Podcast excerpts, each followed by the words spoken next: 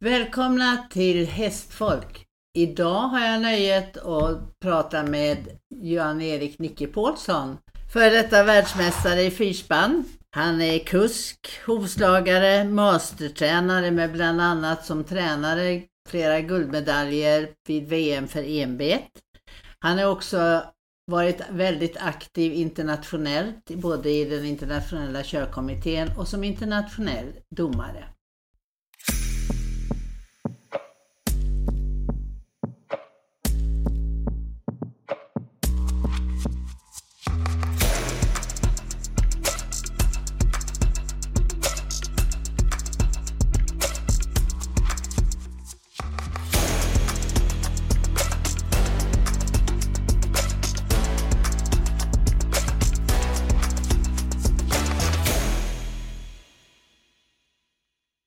Ja, välkommen Nicke Paulsson.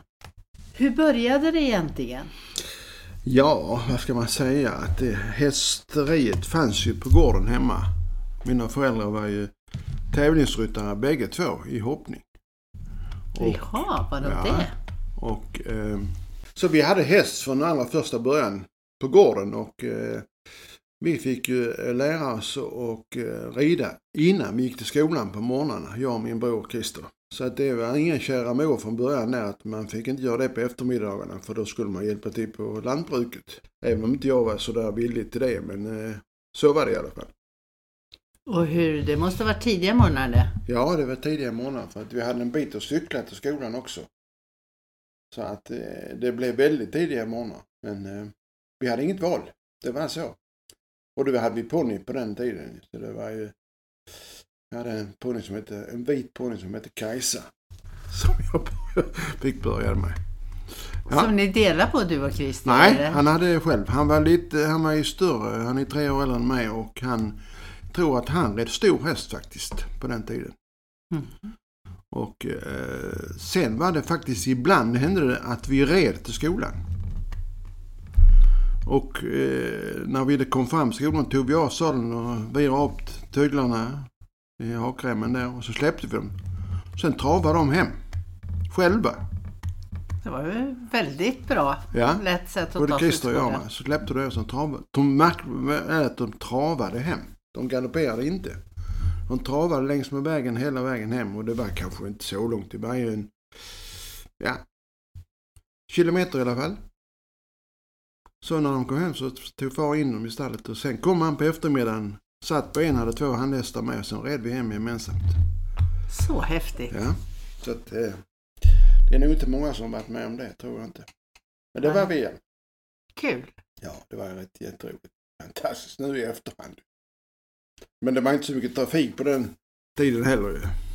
Nej, så det gick lite lättare. Ja. Var, vi, var var vi då någonstans? Var befann er i Helsingborg? Är det Nej, redan? Nej, i Jonstorp. I Jonstorp, ja. Söderåkra hade vi mm. gården. Så mm. det var det var inga långa vägar så. så att så var det och där har vi flyttat tillbaks igen. Så vi bor faktiskt i samma by nu som vi gjorde det för många, många år sedan. Mm. Hur gick det vidare sen då? Sen gick du skolan? Ja, skolan. Christer jobbade på hovstallet i Stockholm. De behövde folk och jag blev tillfrågad. Ja, jag gick, åkte upp och provade och fick jobbet. Men jag klarar inte Stockholmsstressen. Det var för mycket spring trottoarerna och överallt så att jag, jag var där bara ett och ett halvt år. Och eh, under tiden jag var där, det var en fantastisk tid egentligen att vara där för att köra. Och vi körde fyrspann varje dag ju. Och det roliga med det att, och sen var vi tvungna till att rygga in spannet eller vagnen in i ett vagnsskjul varje dag. Oj, det är inte så lätt. Nej, men det, det gick bra på slutet. Vad tycker du att du fick med dig mest därifrån den tiden då? Ja, det var ju det att man eh, skulle eh, komma upp på morgonen själv. Det var inte så lätt. Jag var inte så där, jag har aldrig varit morgonpigg. så det var inte så lätt. Men jag kommer speciellt ihåg en grej som var ganska så rolig. Det var ju första morgonen jag skulle börja, vi skulle börja halv sju på morgonen. Och utanför mitt fönster så var det en kyrka med en stor klocka på.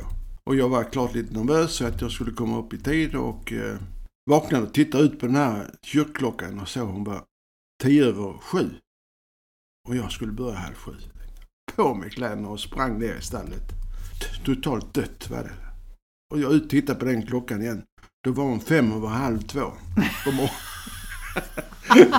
Så det var min första morgon på ett, ett jobb som eh, blev en händelserik grej. Men efter det så klarade det sig. Träffade du några sådana här, eh, är det många människor som du minns därifrån? Ja, det var ju, vi hade ju ansvar för fyra hästar hade man då. Man skulle köra två och rida en. Mm. Och eh, en häst, en av de fyra, skulle komma någon höjdare från kungligheterna och mm. rida. Mm. Och det var en, jag kommer inte ihåg men han var ingen kunglighet i alla fall. Men han, han var väl någon form av, ja, någonting inom kunglighet. Så han, han var där red varje morgon. Mm. Och vi hade själv hästar, min Christer och jag. Vi, hade, vi slutade halv två på dagarna. Eller kvart i två tror jag till och med det var. Och sen hade man jouren, ja, en gång i veckan och så. Hade, man skulle fodra på kvällen. Men vi hade hästar själv med oss och vi eh, ute på Alesö. Vi hade en bit att köra ut för att rida dem varje dag. Så att, eh, men sen tävlade vi i Stockholm. Jag gör inte det så länge men vi tävlade i Stockholm. I hoppning då Hopp, eller? Hoppning var det mm. då ju. Mm. Och det var hästar som ni hade fött upp hem, som Hemifrån, var uppfödda ja. hemma ja. ja mm. Så att eh, det var väl egen uppfödning också så att det var lite eh, roligt med det. Och sen då, hur gick värnpliktsfärden ja, sen när jag då eh, var där under tiden så var jag där en, en farbror, eller en eh, man som var lärare på Hovslagaskolan. Och när han så hörde att jag skulle åka hem så sa han, du innan du åker hem ska du lära dig sko. Och jag ska ordna in dig på skolan så du får gå hovslagarutbildningen på Stutis i Stockholm. Och det blev så. På veterinärhögskolans ja. Stutis då. Mm. Mm. Så gick det var väl fyra månader tror jag det var och gjorde det och eh, det är jag väldigt tacksam för. För att det var liksom ja, räddningen i stort sett till framtiden när jag skulle mm. hålla på med fyrspann. För det kostar ju en del. Så att eh, när jag kom hem sen så hoppade jag vidare och eh, 1978 var jag med min bror i EM i Donaueschingen, Tyskland som grom till honom då. Hade han fyrspann då eller? Ja, hade han fyrspann mm. då ja. Det var hans första stora grej. Och sedan efter, den, eh, efter det året, nästa år därpå, så hade han fått en beställning på ett fyrspann till Danmark. Och när det var klart för leverans så eh, hade de inga pengar. Så det blev ingen affär. Så då ringer han till mig och säger nu får du ta över det här fyrspannet. Nej, nej, nej, sa jag. Aldrig i livet alltså. Så jag har ju hopphästar nu, jag håller på med det. Nej, men jag fixar en sponsor och eh, hade, vi hade med oss på den här turneringen, vi var i Ungern, ett, någonting där och Bruno Albinsson var med där och Britt Albinsson var med där och sponsrade min bror med resan till Ungern för de hade en ny stor lastbil. Och jag var med där och eh, som grom också och eh, Bruno och jag fann varandra väldigt bra där. Han var rullstolsbunden och eh, ja, jag tog hand om honom som en vanlig människa. Och... Han är han som är bakom eh, också från början? Tullstorp, ja. Tullstorp, ja. Mm. Christer ringde honom och sa, är du intresserad av att sponsra Nicke med ett fyrspann? Han ringde han klockan 12, halv två var han där och betalade dem. Oj. Samma dag. Oj. Sen hade vi ett samarbete i 12 år. Fantastiskt. Ja. Så han eh, var min, min sponsor de första 12 åren i min körkarriär. Fantastiskt. Fantastiskt. Han var ju så hängiven. Han var ju det och eh, mm. han fick ju då följa med. Efter vi hade den här, hans stora lastbil som var handikapputrustad. Så att där var med hiss på sidan och så han kunde mm. köra in med rullstolen och bodde där och så. så att, han var ju fantastiskt för honom att komma ut på alla tävlingar då som vi så ofta det gick. Mm. Så att eh, han hade en dröm. Han ville, alltså han trodde aldrig han skulle komma till Amerika. Men det kommer lite senare. Men han, eh, vi blev bjudna dit en gång med egna grejer och eh, Bruno skulle med, tyckte den här sponsorn i Amerika. Men det ligger längre fram i tiden fram, det är ja. Det är vad, vad, eh, när du väl hade fått veta att du skulle köra det här fyrspannet och han hade då ställt upp som sponsor. Alltså hur, hade du tränat att köra fyrspann? Nej, inte eller? mer än jag har kört på hovstallet ju. Oj. Och då körde man ju fyrspann, men det var ju mest på gatorna bara ju. Körde ut på gatorna och så hem igen. Mm. Det var liksom ingen sån här teknik eller så. Men hur kom du, hur lärde du dig det? Ja, då började vi behöll ju hästarna hos Christer. Så jag körde dit där varje dag och tränade. Och han hjälpte mig i början där som tur var. Mm. Och eh, efter sjunde gången jag körde fyrspann var jag i Danmark och tävlade om. Oj. Ja. Och eh, det var kanske inte så mycket med teknik eller finkänsla och så, utan det var mer på råstyrka, skulle man kunna säga. Ja. Men det gick rätt bra. Jag blev trea på den tävlingen då. Så så började det med att Var det svenska hästar ni hade? svenska hästar. Mm. Och eh, jag hade fått de fyra plus. Jag fick en som Christer hade haft, som han började med, som jag Mm. fick av honom som femte häst då. Som, ja, som blev en ordinarie i och för sig. Så började det och sen var vi i eh, nästa tävling var Hamburg, Hamburg och David. Mm. Och det var så lite speciellt. Det var ju, då fick man tävla både med två par, ett tandem och ett fyrspann. Oj. Det var dressyren. Det var- ingick det i... Ingick i tävlingen. Så det var... Så de hästarna kunde du spänna för i den konstellationen? Ja, de fick ha dem Mm. Och sen den bästa enbetshästen fick ju då vara, gå, gå enbet då va. Mm. Eller tandem var det. Han gick ju förlöpare i tandemet då ja. Mm. Och sen maratonet var ju speciellt också. Det var ju alltså som det var på den tiden var det ju fem sträckor. Men då som kallas för C-sträckan som var en speedsträcka. Då fick vi galoppera hela spannet i två kilometer. Det var så ovanligt. Det fanns ingen annanstans. Och det var på idealtid? På ja. Mm. ja. Det var ju väldigt speciellt. Det, det fanns inte efter. Det fanns bara på Hamburgdavet. Men de gjorde ju ofta speciella saker Speciella, även i ja. dressyren och hoppningen.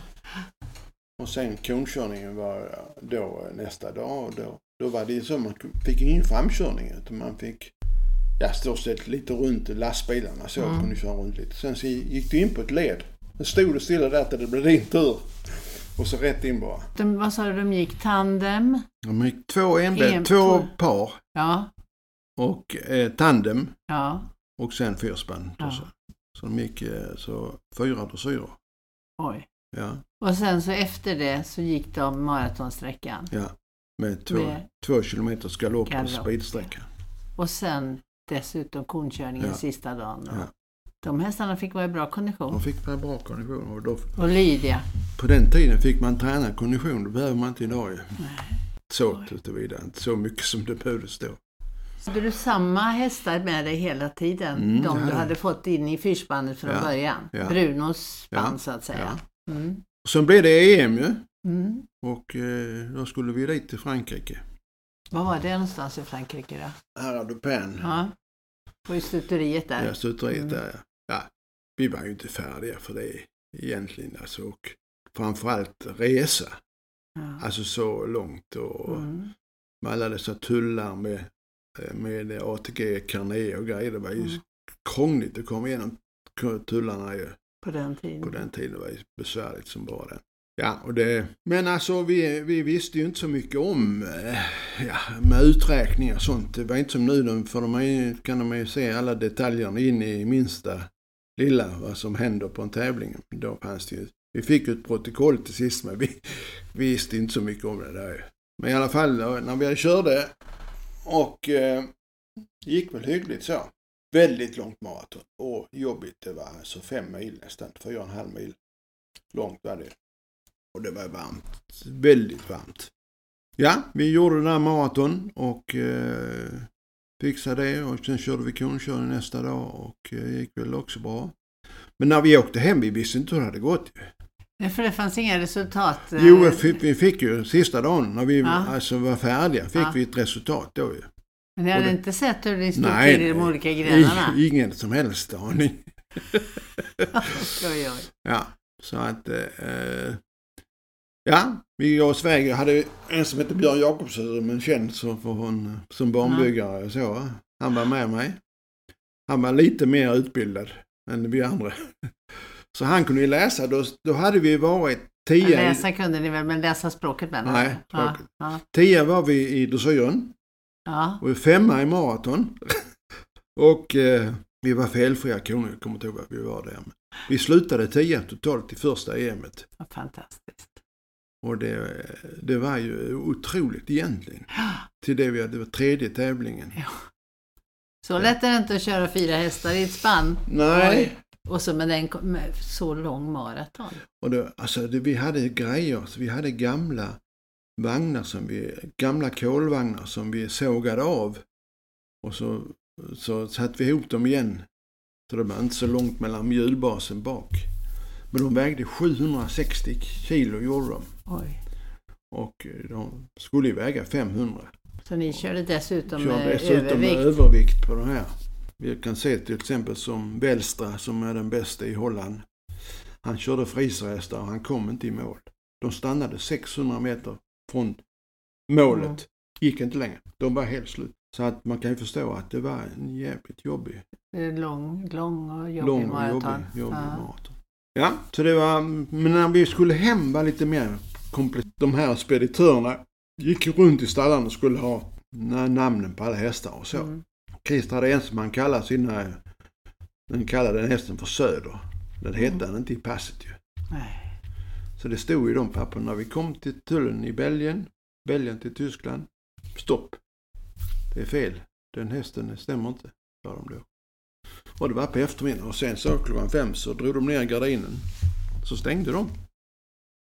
Där stod vi. Med 15 hästar hade vi då med oss. Och Och kom inte in. kom inte in. Så vi fick bara fodra hästarna och säga godnatt. och så fick vi vänta på morgonen då och det hände, de var inte alls med på våra noter på att det var fel i papperna där. Så vi bestämde oss, tog, tog ut alla hästarna Mm. och gick på gräsmattan runt tullen där och de blev ju inte så glada för det så att de kallade in och stämpla och så kör mer nu. De vill inte ha oss där längre. Det var ju tur det. ja, så vi kom hem i alla fall. Ja, så det var det, var det året. Oj, men det var ju en raketstart kan Ja. man ju säga. kan man säga. Ja. ja, speciellt. Vi var inte alls, vi var inte alls mogna för det egentligen överhuvudtaget. Nej, men ni lärde er säkert. Vi lärde oss mycket av det, Mm. men vi kunde inte säga mer än yes på engelska ju. Det var Mm. ju allt det, så vi hade ju inte någon... Då skulle man ju inte prata tyska eller franska och sånt. Det gick ju inte alls ju. Och sen efter, efter, det var det året, vilket år var det? Vet du det? 79. 79. Mm. Och nästa år, vad hände då? då? Då var det VM i eh, Windsor. Mm. Och det var, eh, där hade jag varit en gång tidigare. Också med Christer. Och eh, jag tyckte det var ett fantastiskt ställe. Det var ju i Drottningens park. Mm. Home Park, där gick ju maratonet. Mm. Ja, hela tävlingen för den delen. Ja, så det, det var en enorm roligt alltså. Det var en svår maraton som bara den var det. Och, men Prins Philip körde väl också? Ja, prins Philip körde också. Han var ju den som satte upp regler för fyrspännkörning i, i världen. Det var det? Ja. Men det var ett, ett jättesvårt hinder. Så jag hade en grov med mig, men han vägrade åka när han såg banan. Han sa, här kommer vi köra rätt ner och så, välter vi där och sen så tar, slår vi ihjäl oss allihopa. Så, berättade han. Så, jag sa, det är nog ingen idé du åker med, så. Och då fick jag på en annan som var kusk från Ljungbyhed. Så det groomen ska ju hjälpa till att hålla balansen i ekipaget. ekipaget och Mm. kunna hålla rätt på vägen Mm. och hålla rätt på tider och så. Mm. Så att, eh, de hade lite att göra också. Och de har en, bara för de som inte förstår som lyssnar nu, så de- man hade ju också en rem som de höll dig Ja, fast. Och så att du inte skulle ramla av kuskbacken om det var, hände någonting, ja eller precis. hur? Ja, Mm. Jag kunde ju köra på en sten eller en rot eller så, så vagnen flög över världens vägar. Men vagnen var på marken ändå, men man kunde ju flyga av som kusk. Ja, klart. Och så hade vi vagndomare med på den tiden också. Som satt sidan om dig där. Som höll rätt på att du höll rätt gångarter och så. Ja, för det finns ju också föreskrivet vilken gångart du ska köra i. Mm. Ja. Hur gick det i Windsor då? Jag tror det var tio där också. Det var väl dressyren som inte var sådär väldigt bra på den tiden. Vi hade ju inte några topphästar precis utan det var ju mer hästar som kunde ja, köras och så, men det var inte några större med gångarter och så. Men de stod distanserna tydligen Ja, väldigt oh ja. bra. De äh, kämpar så att de äh, gasar inte upp så lätt inte. De var starka. Mm. Ja, så det är 80. Ja, sen rullade det på sådär ju. Innan tills eh, det började hända lite grejer. Det var ju alltså 85. 85 ja. Då var jag Windsor igen på Windsor-tävlingen i maj. Mm. Var ju mitten på maj varje år. Jag var där 12 gånger bland annat. Räknades in som hette spankontroll som räknades med i själva tävlingen. Som en, jag kommer ihåg att jag hade 18 straff i spankontrollen. Men, Som skulle läggas på dressyrpoängen också. oj. Men spannkontrollen också, det, det var ju att man bedömde äh, skicket på utrustning och på häst och på vagn och på Grom. allting. Grom, ja. Kusk och alla hur de var rätt klädda och ja, det var ju lite speciellt. Alltså man skulle ha speciell hatt när man var ägare utav hästarna och det var rätt mycket regler som skulle och gromen lyfte de på stövlarna då skulle se om de hade putsat Und. under till där med, efter klacken precis. Ja, Oj. det var ju speciellt. Men i alla fall så vann ju den tävlingen. Mm. Det var en bra plats att vinna på. Det var en bra ställe att vinna på. Det roliga var ju att på kvällen där så var det ju, eller på söndagskvällen var det fest Ja. och i slottet Mm. hos prins Philip och Elisabeth då. Och då var det, alltså den, den gången var alltså Elisabeth inte hemma. Nej. Och då blev det fest. Då var det en 30-man orkester där och spelade till halv tre på natten. Och med när prins Philip var själv. Mm. Året efter vann jag också, 86. Och då var det samma sak, men då var festen slut 11. För då, då, Då var drottningen hemma. drottningen hemma. Så det var, Mm. Det var lite speciellt. Så. Ja. Ja. vilka upplevelser. Ja. Det måste varit eh, fantastiskt att, att få se allt det inifrån. Ja, det var enormt alltså. Mm. Och Bruno fick vara med. Mm. De fanns ju ingen hiss i det slottet. Nej, det är klart. Så de bar han och rullstolen upp hela vägen. Det var fyra våningar tror jag det var. Upp. Alltså han fick vara med. Han. Det var, Vad härligt. Vilken jävla upplevelse. Ja, han fick verkligen eh, valuta för sin sponsring. Vad härligt. Ja. Det glömde han aldrig. Nej, det förstår jag. Och inte jag heller. Så att, eh, för mig var det lika viktigt det att han fick vara med på det där. Så, du vann, vann Windsor två gånger? Ja, det var så, så vi var i Brighton först veckan innan. Ja. Och då tävlade jag, vann jag också, både 85 och 86. ja. Och eh, sen det Windsor veckan efter direkt. Men hade du samma häst? Eller du hade, hade nya hästar då? Ja, det blev väl någon som skiftades där, men i stort sett. Samma hästar? Mm. Fantastiskt. Nej, det var, nej, jag hade två nya förloppare här. Jag hade Mm. två nya förloppare. Mm. Och de, de var ju jättefina. Så Mm. att det, det hände mycket just då. Mm. Så att, eh, Och sen då? Vad, hur gick du vidare? Då vann du. Du var, du var uppmärksammad förstår jag. Ja, det blev mycket så. ja. Mm. Och då åkte jag, blev jag bjuden till Amerika ju. Mm. Eh, Vi var tre kuskar från Europa som blev bjudna över till Amerika och skulle tävla där med deras hästar. Mhm. Och vi åkte till Boston. Det var Welstra, jag och Borman. Och så fick vi varsitt fyrspann där. Så fick vi träna det en timme dagen innan tävlingen Oj. började. Ja, vi fick hålla på med hästarna så att lära känna lite några dagar innan där. Så, men vi fick bara köra dem en timme, fyrspannet. Mm. Och det var också lite fantastiskt för jag bodde hos Mrs Perry som var hennes bästa jag fick köra.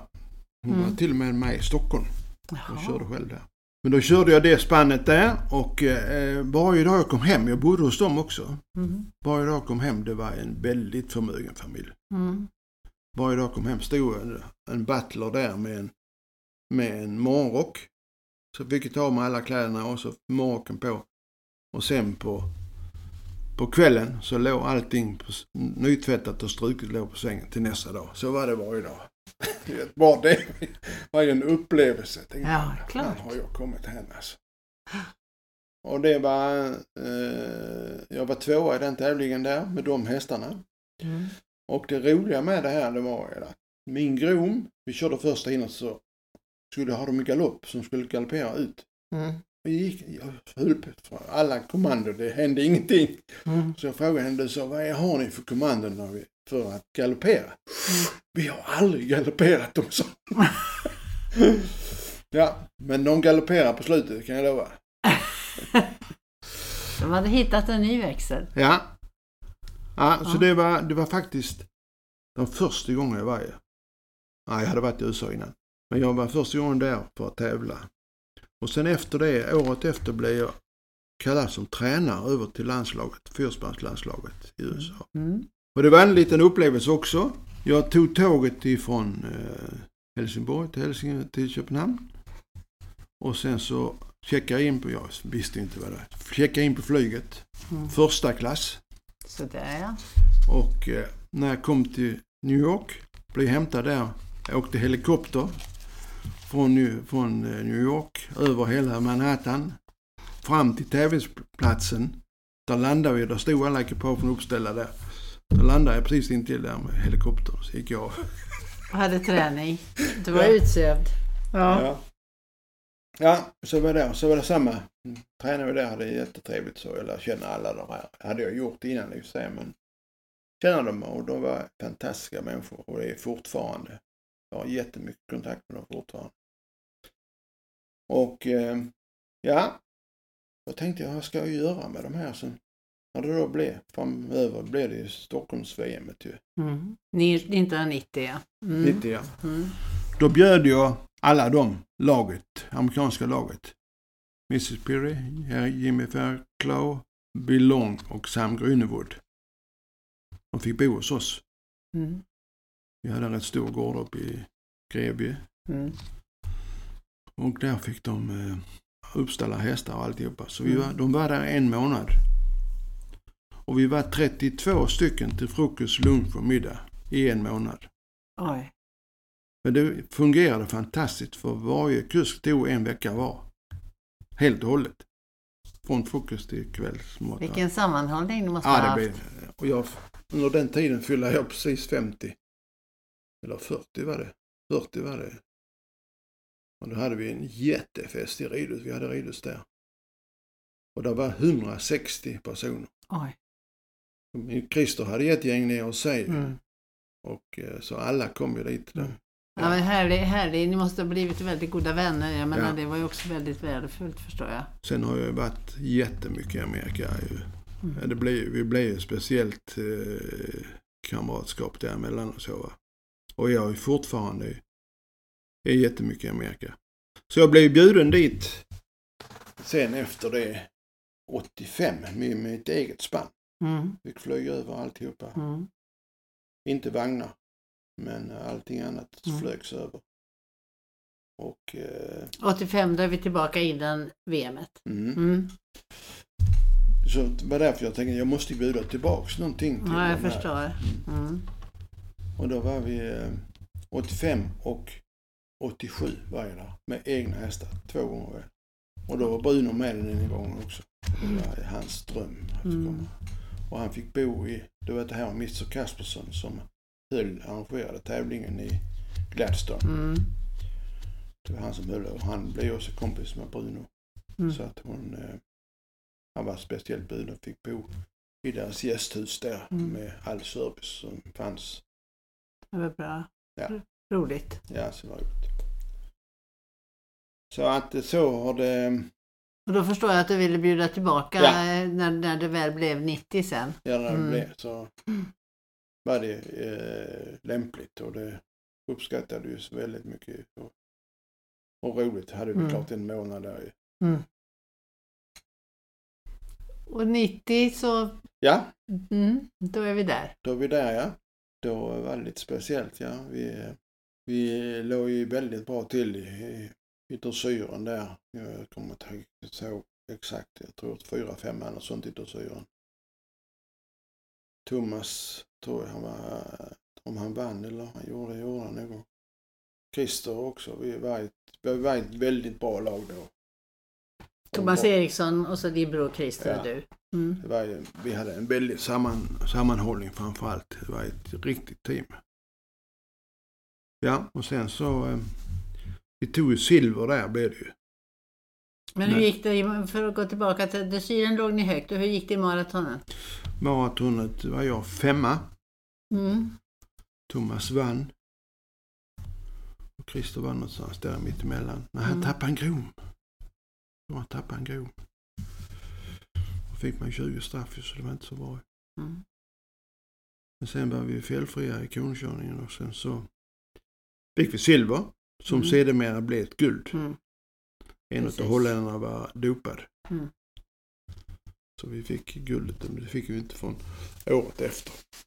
Nej, just det. Det var, väl någon utredning, de hade kontaminering i, i, i fodret eller någonting sånt som hade hänt. Ja, det var den officiella orsaken. Men vad, ja, då fick ni det ett år, tog det ett år innan ni fick ett guld. Jag fick det efter det. Mm. Ja, så att... Eh, ja, sen gick det ju... Hela 90 försvann ju med Alpa som innebar med tävlingar och det var ju hela, hela tiden. Vi låg ute jättemycket. Mm. Jag flyttade hästarna till Holland. Jag åkte dit, första tävlingen var alltid i Holland, i Dörne. Och när jag åkte dit så blev jag kvar med hästarna där. Mm. Blev kvar med en hästskötare som tog hand om Jag Mm. åkte hem för man skulle jobba då. Mm. Och, eh, och då var vi hos Welstra, en Mm. av holländarnas bästa kusk någonsin ju. Mm. Och eh, han körde dem en eller två gånger i veckan. Mm. Och sen så höll ju hästskötarna igång dem. För övrigt så kom jag ner. Och det var ju tävlingar ofta. Det var nästan några veckor emellan bara. Mm. Så, så kom jag ner igen. Tävlade och så hem igen och så höll vi på så. Hela säsongen. Och jag fick jättemycket hjälp av honom. Han var ju väldigt skicklig. Mm. Otroligt skicklig. Han har ju varit en av toppryttarna i hoppning först. Och sen vann han i två VM. Och, Mm. ja, han var enormt skicklig som hästkarl. Mm. Lärde man jättemycket av honom där. Han var också involverad i Dörne på något sätt väl? Han var chef. Han var chef för Dörne, ja. Mm. Mm. Och det var ju som eh, våran Strömsholm Mm, kan man kalla det för. Mm. Och eh, ja, det var en otroligt, tror jag var där 10 eller 12 år hos honom. Var det så länge? Det var många år och eh, lärde mig ju jättemycket. Alltså, han, han var eh, en riktig hästmänniska. Otrolig hästmänniska var han. Att, eh, ja, det var fina år. Väldigt fina år.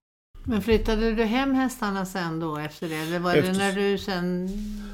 När säsongen var slut tog jag hem dem ju. Mm. Och sen var det ju... På den tiden hade vi ingenting på vintern. Då vilade ju hästarna ju. Ja, just det. Sen Ja, ni hade ingen inomhus? Nej, det fanns ju började sen, då. senare. Började ja. med inomhus. Och eh, sen blev det ju nästan året om för dem.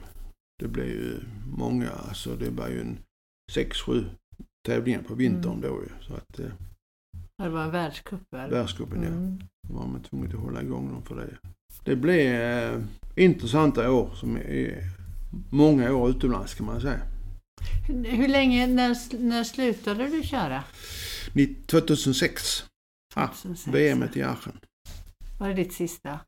Då har jag kört 28 år. Oj. Mm. Men du hade, ju, du hade ju hästar som var med väldigt länge, eller hur? Ja. Du hade en häst som var med allra längst. Ja, det var, alltså jag hade en som hette, det var rätt roligt för den som Christer hade köpt till Danmark då, det var en, en Syranås och travare-mamma. Jaha.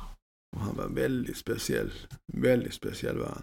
Och eh, jag blev en halt när jag precis hade fått den, så jag körde in till djurskydds med honom och då sa de att lägg inte mer tid på den för att den kommer aldrig till att hålla, sa de då. Nej, jag tänkte här får jag ge han chansen. Han gick 12 internationella säsonger efter det. Det Idol? Nej. Jo, För Idol- Idol, ja. Mm. Otrolig häst. Mm. Fram, framförallt i maraton var en otrolig häst. Att, eh, men sen eh, faktiskt så, det var dåligt väder den dagen så jag släppte ut dem i ridhuset. För de skulle rasta av sig bara utanför. De skulle vara halt eller vara Mm. isigt i hagarna. Blev han sparkad, sparkade av bakbenet. Ja, tråkigt. Så det var en, det var en trå, tråkigt slut. Men det, han var rätt gammal då. Men han gick, han tävlade fortfarande när detta hände. Ja, tråkigt. Ja. Det är det värsta med hästar. Det är Men så.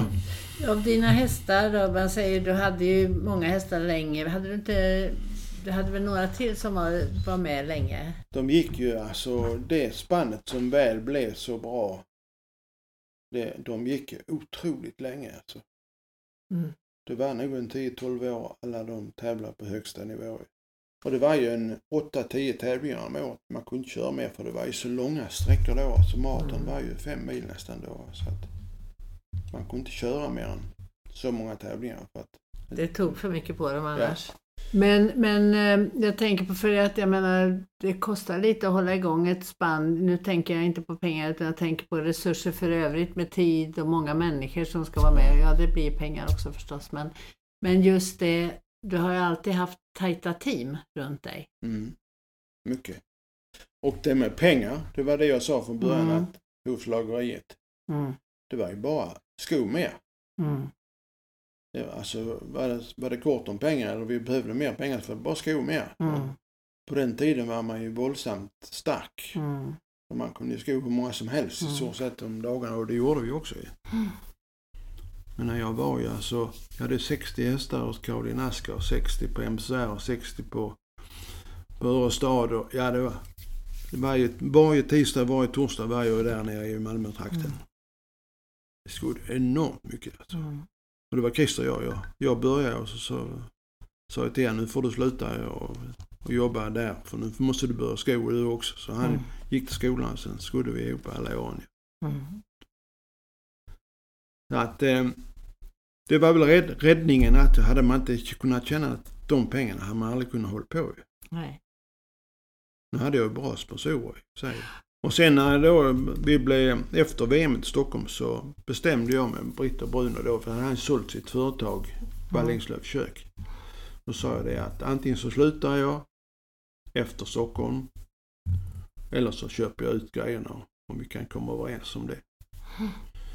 Och då blev det så. Jag köpte ut allting då efter Mm. det. På mitt, det var inte han som sa nej utan Nej. jag tyckte att inte han kan göra en avdrag för det så, från företaget sånt så var det slut.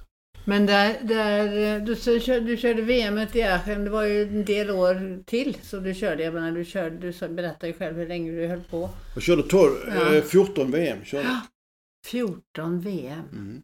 Det är ju otroligt. Undrar om det är någon som har varit med i så många VM inom vår sport. Ja, jag vet inte. 93 var väl mitt bästa år kan man säga.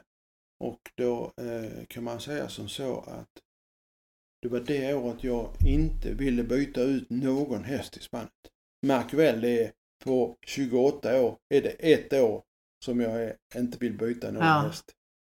Jag hade ett toppspann ett år utav 28. Otroligt. Så jävla svårt är det. Hur ska, en, hur ska en riktigt bra körhäst vara? Han ska ha en väldigt, han ska vara snygg. Han ska ha bra gång. Mm. Han ska ha ett stort hjärta. Och vara lugn och fin. Och kunna vara jävligt skarp när det är maraton. Och sen vara väldigt lugn igen på söndagen. Det är väldigt svårt. Mm. Och så fyra. Stycken ja. Mm. Och jag gjorde ju som så att jag sålde ju ett spann var fjärde år. Till Amerika. Mm. Som inte var dina egna hästar utan Nej. som du hade utbildat ja. Mm. Och då kunde då, eh, då hade jag fått en ny sponsor som hette Håkan Fors. Mm. Och eh, var en väldigt känd och stor firma hade han. Mm. Tjänade mycket pengar och vi gjorde som så att jag, vi köpte hästarna. Han betalade dem. Så Mm. fort de gick in i stallet hemma så ägde jag hälften. Mm. Sen så var, stod han för kostnader och sen så tävlade vi fyra år. Sen sålde vi dem till, de flesta sålde vi till USA. Det var Mm. den sista. Spanien gick till Holland. Men det var alltså för att överleva egentligen och Mm. Ja, skaffa sig en, en grund resten av livet. För men annars kommer man hålla på och köra samma hästar och klart det blir ju upp i topp och så ner igen och Mm. upp i topp och ner igen. Så att jag köpte ju, så jag hade nästan 16 hästar i träning varje dag. Ja. För under Ja. tiden som jag höll på med det A-spannet så var det ett B-spann som skulle bli färdigt efter fyra år. Mm. Så att eh, det var liksom affärsidén med det hela. Mm. Ja, man måste ju naturligtvis se till att man kan hålla sin egen satsning och sin egen Ja. tävlande igång. Och han tyckte det var jättebra. Han sa Mm. det är mycket bättre än aktier, sa han. Mm. Han höll på med det med att investera. Det, vi hade några otroliga fina år tillsammans. Mm. 10-12 år tillsammans. Och han ville inte sluta när jag ville sluta. Nej. Jag har haft en väldigt tur med bra sponsorer. Ja, det får man säga. Mm. Du har säkert värnat om dem också och de har fått upplevelser som de Ja. har varit glada för. Jag tänker på, på de hästarna, de spannen som du sålde till USA och som du utbildade och, Mm. när, och när de var färdiga gick det iväg. Var, var det svenska hästar mest eller? Ja, det kan man säga. Det Ja. var eh, ett spann som gick till USA som var, var faktiskt två tyskar. Mm. Två tyska hästar Mm. med där i det. Mm. Det märkliga, jag sålde ju ett spann till Tucker Johnson som Johnson och Johnson, läkemedelsföretaget där. Han ville bara ha en häst utav mina. Jag sa, jag säljer inte en, jag säljer bara hela spannet. Mm. Och han tjatade och tjatade och tjatade. Och till sist stod han på gården med en lastbil och folk och allting. Mm.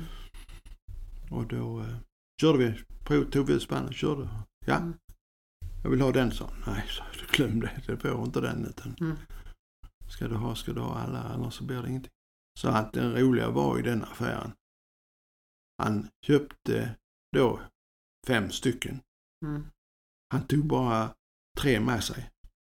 Jag fick behålla två. Och jag såg aldrig de andra två. Det blev den, han kom bara med den som han ville ha. Den efter. Jaså. Ja, så att han betalade full pris för en. Han hade väldigt glädje av den hästen och det var ju som hette Balle. Han, han är vana som var väldigt, väldigt fin. Mm. Om du tänker tillbaka på det här med alla dina egna aktiva år, så vad tycker du att du, vad är det som har gett dig allra mest glädje? Är det något särskilt tillfälle som du känner att det, vid det tillfället, det Ja. var det absolut roligaste? Kan man göra så? Kan du hitta Ja, något? jag tror det var första gången jag vann i Windsor. Ja. Jag tror det var, det var en riktigt stor, stor grej. Ja. Och i och med att jag vann det året där så blev, var den här Kaspersson som hade Gladstone-tävlingen där. Mm. Jag blev, de hade ett stort VIP-tält där ju. Mm. Och jag blev kallad dit där på söndag morgonen för frukost. Och fick ett sponsorerbjudande utav honom där. Mm. Och eh, ja, det var ju väldigt lockande i sig. Mm. Ja, det var lockande för jag sa ju ja. Mm. Men under tiden fick vi ju stora sponsringen i Sverige. Mm. Fyra miljoner tror jag det var. Mm. Satsningen till VM i Stockholm. Mm. Och hade jag gett mig iväg då Mm. så hade då Christer och Thomas inte fått någonting. Det Nej. blir ju blir alltså varje på laget. Ja, så det blev att jag, jag sålde gården. Jag sålde allting. Allt. För Mm. jag skulle resa till Amerika. Mm. Ja, det blev att jag stannade kvar. Mm. Och eh, kan väl bara säga. Det är ja och nej. Det, det vet man inte hur det Nej. hade blivit. Hur det hade blivit? Nej. Nej. Nej. Det verkar ju som du var, var nöjd med det ändå. Ja, det blev, det blev. Vi tog ett beslut. Ja. Vi, Mm. vi hade en son som var nyfödd. Mm. Och då sa vi så att han, han kan fem år i USA då han kan han gå, åka hem och börja skolan hemma istället Mm. för att sova. Mm. Men eh, ja, så blev det inte. Nej. Nej. Men det är förmodligen så fick du liksom uppleva väldigt mycket genom att du inte åkte iväg. Ja, det blev så. istället. det blir- det Och ni, är, är, det är också mycket värt att ha en sån tight grupp som ni var. Ja, det var otroligt vilken sammanhållning. Vi till och med vi bytte häst eller vi lämnade hästar till varandra för att vi skulle få ihop det bästa och så va. Jag kommer ihåg det, att ni var väldigt Ja, Mm. det, det fungerade hur bra som helst alltså. Om man eh, tänker sig tillbaka till, vilken häst, för, först måste jag ju veta, vilken häst var, är det som du kommer ihåg allra mest? Vilken häst är den som, är det någon häst som har varit särskilt speciell för dig? Ja, det, det är några stycken i och för sig. Ja. Det är ju då Idol klart. Ja, den som... Ja. som mm. Och så hade jag en som hette Samba. Mm. Som... Eh, han, jag köpte honom och han var mager som en eh, sticka och ja, var en tanig. Men han blev ju jättestor. Han väger 650 kilo. Mm. Och han gick in i spannet där och som höger stångvis, så han blev höger stångvis i hela sitt liv. Mm. Han gjorde inga fel. Han var alltid med. Men sen hade jag en som hette, han blev då duktig i maraton framförallt. Så hade jag en som hette, som hette Tango. Ja. Han kom uppifrån Jan Brink. Mm. Han var en helt fantastisk häst. Mm. Han gjorde aldrig heller några fel. Han gick in i spannet så var han bara suverän hela livet. Eller ja, sen sålde han sen efter jag Mm. slutade. Och året efter var han med i Chardon spann och vann VM det året. Nej, det var en otrolig häst. Otrolig häst. var. Snygg. Mm. Köpte han bara lite... Jag såg att han var inte helt okej Mm. i sina rörelser. Men jag hade ett väldigt bra samarbete med dels med Barbro, veterinären, Mm. och sen Jeppsson som var eh, kiropraktor. Barbro Olsson, veterinären ja. Mm. Ja, och eh, jag tog honom direkt till Jeppe och så sa titta på den här och då hittade vi, han hade en, eh, ja någonting i ryggen som han fixade till. Ja det var en, jag kommer ihåg jag åkte till Belgien och skulle tävla och där var ett hinder som man skulle upp på en bro och upp. Det var nästan lite livsfarligt så. Jag tänkte han som inte har varit med om något sånt här, hur ska han klara? Han gick som förelöpare. Han bara, pju, alltså, om ingenting hade hänt, han gjorde det hur bra som helst. Då tänkte jag, vilken häst alltså. Mm. Sen var han så bra hela tiden. Vad härligt. Ja, Tror du att, att eh, hade, det var ju ganska varierande träningen. Körhästarna gick ju på olika underlag och allting så. Tror du att det är det som gör att de har hållit så bra? Eller, alltså, de Nej, jag tror hålla- att de var tränade för Ja. det. Mm. Det var så pass, vi var tvungna till att träna mycket. Mm. Och det var mycket skritt. Mm. Mycket skritt var det alltså. Mm. Och på hårt underlag. Då försökte man hitta då asfalt eller så. Att de skulle bli starka benen och sånt. Mm. Jag tror att det var att vi tränade mycket. Mm. Ja, det måste ni ha gjort med tanke på lång maraton, jag menar fem mil Ja. maraton och så tre dagar i tävling och alltihopa. Ja. Det, jag tror det var, alltså det var Red ni dem också in emellan eller? 50 procent. 50 procent ja. Mm. Mm. Det var väldigt duktiga hästskötare som både red och körde. Så att eh, det blev 50 procent. Och jag tror att det är bra. Jag menar även när de sista åren när det var vinter Mm. kunde man inte, alltså när det var snö och is, så kunde man inte köra till någon reda. Utan då åkte vi till Ridhus måndag, onsdag, fredag Mm. varje vecka. Mm. Och hade alltså sex hästar med oss. Körde ridhuset där. Tränade dem i ämbet. Mm. Och eh, då hade, körde vi vars två hästar. Hade Två, två hästskötare, eller en hästskötare. Så var det Lotta och så var det jag. Och eh, vi körde då, Din fru Lotta ja. Mm. Mm. så körde vi då två var. Mm. Och ibland körde vi hem och bytte och körde dit igen. Mm. Vi hade fler hästar då. Och det gjorde man hela vintern och det var ju otroligt bra alltså. Mm. Man skolade dem riktigt bra, en och en alltså. Mm. Det gjorde mycket. Ja, de blev liksidiga och de blev fina Ja. och de blev tränade. Och... Det var nog liksom ri- riktigt lag, grunden där riktigt va. Och sen när de kom ihop ville man alltid visa den andra att han skulle vara bättre eller så. Va? så att Mm. det, var, det blev lite tävling mellan dem också så. Det kändes så i alla fall. Ja, ja, det är kul. Ja. Och de gick mycket, ni måste ha jobbat mycket tillsammans eftersom de skulle gå på ditt kommando. De gick Ja. väl också på din röst väldigt mycket, eller hur? mycket. Man, man lärde vad hästen hette ju. Ja. Jag hade en som hette Sinsano. Mm. Hann aldrig säga Sinsano så bara så, så, så, säga Mm, eller, eller mm, så, så mm. reagerade han. För det går ju så fort in i Ja, det går hindren. så fort alltså. På slutet här gick det så fort. Det är som med maten och så inomhus idag. Sen när inomhus började och vi fick kört inomhus så blev det ännu snabbare. För vi fick ju köra så fort Mm. inomhus. Mm. Man blev lite mer van vid hö- Mm. ännu högre tempo. Mm. Ja, det var en... eh, Det har varit en härlig resa. Men det måste vara väldigt mycket samarbete för att de, de lärde sig sina namn. Jag tror för mig att du också kunde säga höger, vänster och så vidare. Ja, inte så mycket faktiskt. Som Nej. jag vet i England ju lärde man dem, alltså Ja, de sa ju ofta så. Men eh, jag tog namn för namn bara. du tog namn istället. Mm, Ja. mm. Mm. Det, när de skulle skynda sig. Ja. Eller gå, ta tag i det, öka, öka lite mer och så. så att, Ja, häftigt. Det Ja. måste ha varit en fantastisk... Eh, jag förstår att det har varit en fantastisk samarbete. Både med ditt team eh, av människor men också framförallt av ditt team med hästar. ja, det, var, det blev många. Jag vet när, när vi slutade. Så, så Kalle bjöd jag på, eller vi, Christer och jag bjöd vi på ett kalas. Mm. för alla som hade varit involverade och hade Mm. varit grom och jobbat Mm. eller hjälpt till eller vad som helst. Så. Vi hade en avslutning, vi var 120 stycken. Oj. Ja. Då, Mm. då kastade vi ha- hattarna. Ja, det gjorde ni. De, Ja. de fick gå till Ja. annat liv. När du sen hade slutat och började med träning och så, då, hur gick det? Längtade du väldigt mycket tillbaka eller tyckte du att det var men roligt? alltså, att- eh, framförallt innan, innan jag slutade så, så fick jag nöjet att jobba med ämbeten. mm. Och det gjorde jag då i 10-12 år. Samtidigt som du körde? Samtidigt som Mm. jag körde. Och eh, då var vi fantastiska kuskar var det faktiskt.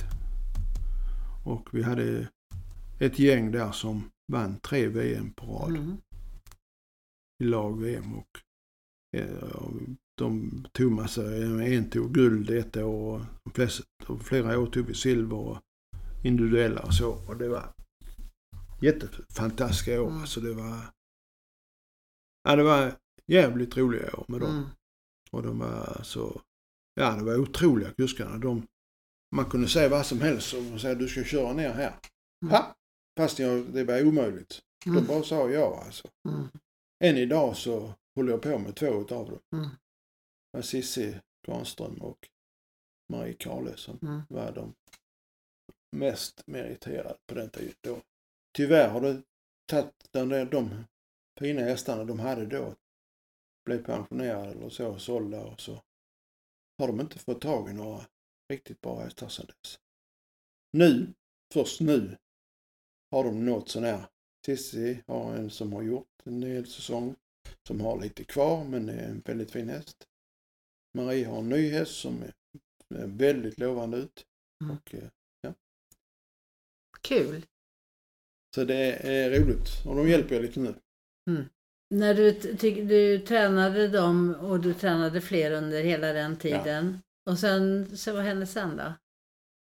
Ja, sen så eh, var det inte så många år kvar för min del. Utan jag var ju alltså 2006 var ju sista året. Mm.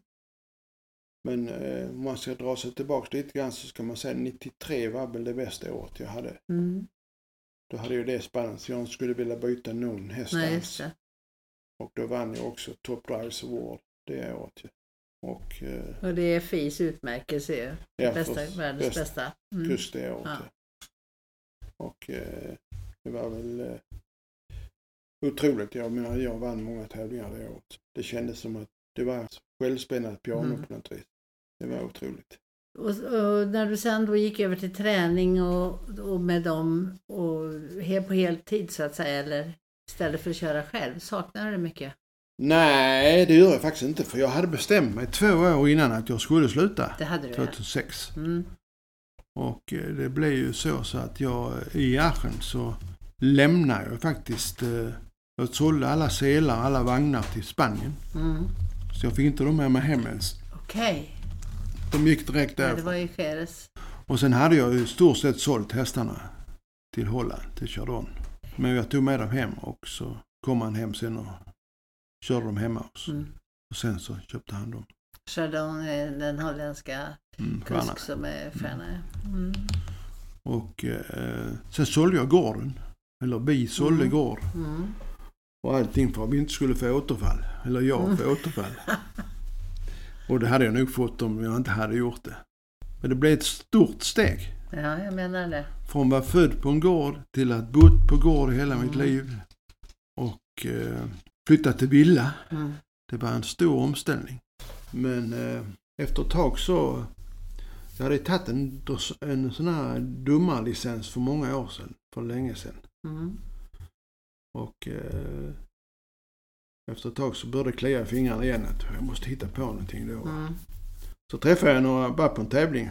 Jag vet inte var jag var på en tävling. Så träffade jag domarna där. Så, men du, kan du kan väl ta tag i det där med domeriet och så. Mm. Jag hade tänkt på det faktiskt. Ja, tänkte jag, vad ska jag göra? Ja, du får gå en eh, fortbildning i Holland då och då. Då gjorde jag det och sen så blev jag internationell domare då i ja, 10-12 år. Mm. Och för ett halvår sedan eller så, ett år så, ja, vilket var nog. Ja, det blev lite konstiga regler som jag inte gillar riktigt. Man skulle börja bedöma sina kollegor och sånt. Och, nej, det var inte... Och sen så, ja, det blev så. Det var, Mm. Jag var inte riktigt nöjd med hur det fungerade. Nej. Och då sa jag, då bättre jag stiger av. Under de åren däremot som du dömde då, var, var, det, var det kul att döma tycker du? Ja, det var det. Alltså, det var ju lite grann, för jag, jag kände ju igen alltså alla kuskarna ju. Mm. Jag visste ju alla brister de hade Mm. och allting de försökte dölja och så va. Mm. Och eh, det var väldigt roligt. Var det någonting speciellt sådär som du tyckte att, ja men, alltså det är skillnad att sitta själv och känna hur det känns att köra och veta vad man gör där. Mm. Men sen så när man ska se någonting bara, vad du kände du att det var, eh, för jag förmodar att du kunde känna precis vad det var de Jag, kände. jag, jag, jag, exakt, va. jag kunde Mm. så se allt de försökte med broms och grejer. Mm. Så det var ju så mycket jag kunde se. va. Mm. Och eh, som då inte många domare idag, är inte många som har tävlat. Mm. Inte i den utsträckningen jag hade gjort. Så det blev ju väldigt speciellt. Men efter då 12 år så blev det ju samma tävlingar. År efter år efter år. Så det, det blev ju lite för mycket. Alltså det var ju... Det var kul i början att åka på. Jag försökte säga ja till alla de tävlingar där jag inte hade varit själv någon gång. Okej. För att få komma till dem och se Ja. de ställena. Så. Så det var, det var roligt än- ända tills vi fick det här med jag skulle bedöma mina kollegor. Hur de var, till och med hur de var klädda.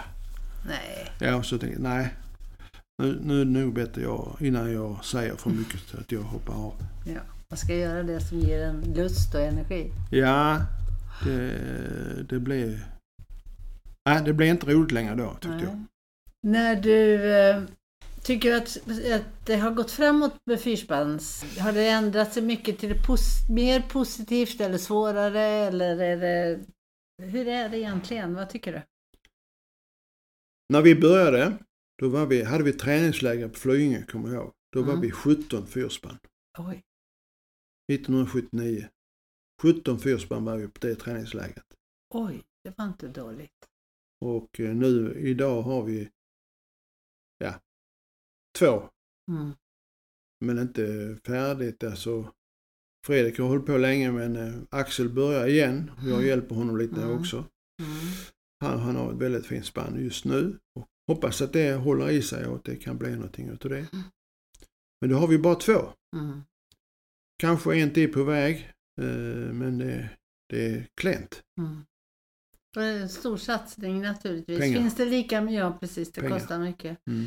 Finns det eh, lika mycket tävlingar nu som förr? Ja, Eller? det är det. Det är det, ja. Mm, det är det. Är det något speciellt land som har gått mer framåt än vad de gjorde förr? Belgien kan man säga. Mhm. Men de har mycket körning i Belgien, Ja. har de inte det? Inte så många tävlingar har de inte men de är, de är ett jävligt uh, ungt lag. Okej. Tre unga killar som är jätteduktiga. Sen är det Tyskland och Holland och så klart som är fortfarande. Mm. Men framförallt Belgien är väl... eh, men Holland vinner ju allt fortfarande. Det gör de, ja. Ja. Mm. Tyskarna är en generationsväxling och eh, de har också rätt så många unga, till och med en tjej som är jätteduktig som Mm. är med i toppen. Men eh, det är inte, ökar inte så kan man Nej. säga. Det gör inte det. Det är tyvärr. Hur är det på, på parsidan och enbetssidan då? Ökar det där tycker du? Ja. par är också lite mindre. Och det är svårt. Alltså det är, även ett par ska du ha ett minst tre hästar. Du måste ha en stor lastbil. Det är nästan lika stora kostnader för dem som det är för fyrspannen. Men så ska de hitta hästar som passar ihop. Ja. Det, nej, de har svårt. Och enbeten, alltså när vi hade VM 2002 i Åstorp, då var vi 17 stycken som försökte kvala in till det VMet. 17. Oj. Och i år fick man inte ta, eller i fjol fick man inte ihop ett lag. Som var Mm. dugligt nog att köra. Så Beror det på intresse tror du? Eller beror det på ekonomin? Eller Ja. beror det på, på att det är svårt att hitta hästar som passar? Det är svårt med hästar också. Alltså. Och eh, dyrt att köpa hästar idag. Mm. Ja, bra hästar med, med Ja, bra gång och allt. Det är Mm. 300 000 Tyvärr. Men eh, man tycker det. Men ändå enbet, hittar du en bra häst så är du med. Mm. Men du ska hitta den. Man såg på Cissi och mig nu, det har tagit 7-8 år innan de har hittat någonting som är dugligt. Mm. Ja, så ska du ha vagnar och så ska du ha allting. Det är Ja. också en kostnad naturligtvis. Tyvärr. Om du ser på Sverige, är det någon, var i Sverige är man mest, eh, har man mest kuskar igång? Ja, det är nog Skåne då som Mm. har mest. Mm. Det är nog så ja. Vad, vi, vi pratade om ditt bästa minne när det gäller eh, ditt år som du kört och som du tyckte kändes mest, eller som var mest framgångsrikt. Men när man tänker, vad har varit det roligaste? Du tänker på någon riktigt rolig episod? Förutom den där med, med tullen, den var ju kul tycker jag. När ni fick, ni väntade ut dem genom att leda hästarna på gräsmattan. Men är Ja. det någon annan, någon annan sån här sak som är dråplig som du tänker på som har varit? Nej, det har hänt en del, men om man eh, ska säga som dråpligt, vet du, jag har varit med om två olyckor när jag har tappat släpet. Uff, det var inte så kul. Nej, det var inte kul. Och eh, det, en, eh, det är inga hästar i släpet, Nej, det ska jag säga. det. Att det var vagnar och selar Ja. så va. Men, men eh, det var inte så roligt. Men det har varit med om det också. Men många mil måste det ha blivit. Puh. Massor med mil. Och jag var den enda som kunde köra lastbilen, tyvärr. Så jag fick köra allting själv. Det var, en, det var ju naturligtvis, det krävdes ju väldigt mycket, många timmars jobb Ja. för att hålla allt det här igång. Alltså om någon sa till mig idag att skulle du kunna tänka dig att börja igen att köpa en 12-15 hästar och så sätta igång och träna och hade man ju undrat om att man överhuvudtaget gjorde det. Och då flera spa, spann på gång, både, Ja. både för att också utbilda ett nytt spann. Ja. Och vinter som sommar, man var klädd Mm. på sig så man så kände inte igen en om man hade med kläder man hade på sig. Mm. Det var inte tal om att, man inte skulle köra. Nej. Nej. Man tänkte inte ens på det. När du, om du inte skulle ha gjort det, Ja. vad skulle du ha gjort då? Vad hade du velat göra om du inte hade hållit på med, med något av det du har gjort? Vad skulle du vilja göra då? Jag gjorde, jag har gjort en massa grejer. Jag har gjort det. Ja. Jag har ju spelat ishockey ända till jag Ja, var tre- just det. 32. Mm. Det fick du också in i tidsschemat. Ja. Men det var innan vi körde in, började inomhustävlingar så då kan man göra det. Men eh, sen började jag spela golf och det var alldeles för sent. Och det sa jag innan jag slutade köra. Sa jag, när jag slutar köra ska jag börja spela golf. Mm. Men då var jag för gammal ju. Men jag spelar golf nu också så att det... Men eh, det, här, det här har jag gjort mer då. Det Ja, tror jag. det- Någon, i alla fall sporten. Ja.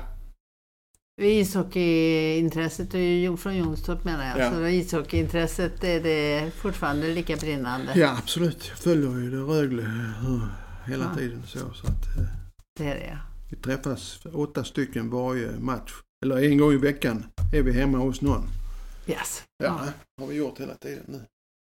Så att, Före detta ishockeygänget i Rögle, Ja, ishockeyspelarna i Rögle, det är härligt. mm.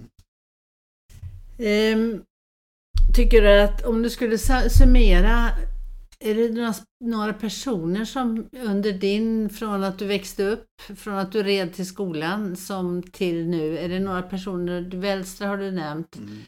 som har betytt mycket för dig i din karriär och i ditt, din syn på det här med sporten och så?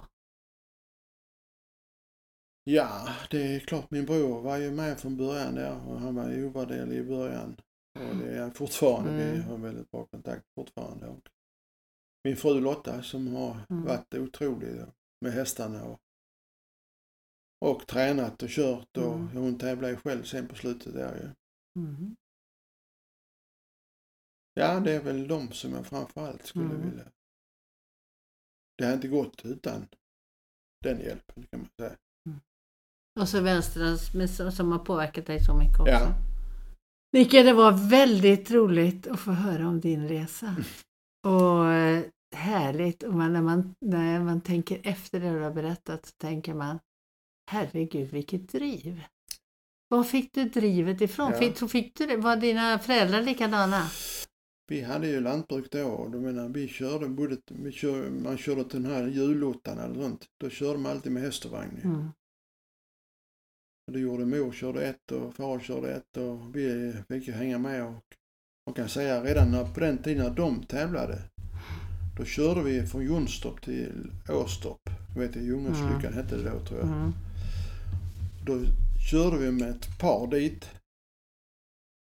Och då låg Christer och jag i med en sån här V-vagn som det kallas. Och då Mm. låg vi där och åkte med till tävlingen. Sen hoppade de och sen så när det var färdigt så seglade de på. Sen körde vi hem igen. Och det var ju tre mil dit bara. Och det var Kör- samma hästar som Samma både- hästar som Mm. kördes dit och kördes hem och tävlade några klasser emellan där. Otroligt. Ja, det- Härligt. Jag tycker det är, en, det, det är säkert allt det drivet som finns och som har behövts för att det ska, man ska bli så framgångsrik som du har varit. Så eh, tror jag man kanske behöver det i botten. Det är fantastiskt. Jag förstår att eh, ingenting har varit svårt för dig. Ja, det har ju varit stunder när det har varit svårt också klart, men eh, det har gått ändå. Mm. Det skulle gå. Mm. Och det var samma när inte pengarna räckte, var det bara skor med. Mm. Men det har ju kostat på också. Mm. Några operationer efter det. Så att, så att eh, det är gjort det också nu så att nu får det vara så med det. Men i stort sett vilket fantastiskt rikt och roligt Ja.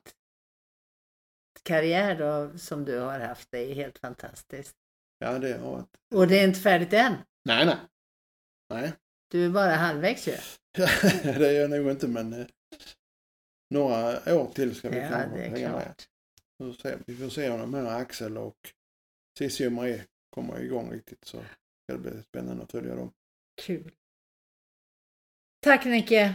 Tack själv, vad trevligt! Mm, det tycker jag också. Det har varit jättetrevligt och lycka till med eh, det, de här gänget. Det är ju inga dåliga kuskar de och det är roligt. Så de får vi nog se mycket av i framtiden. Det hoppas vi. Tack snälla. Tack själv.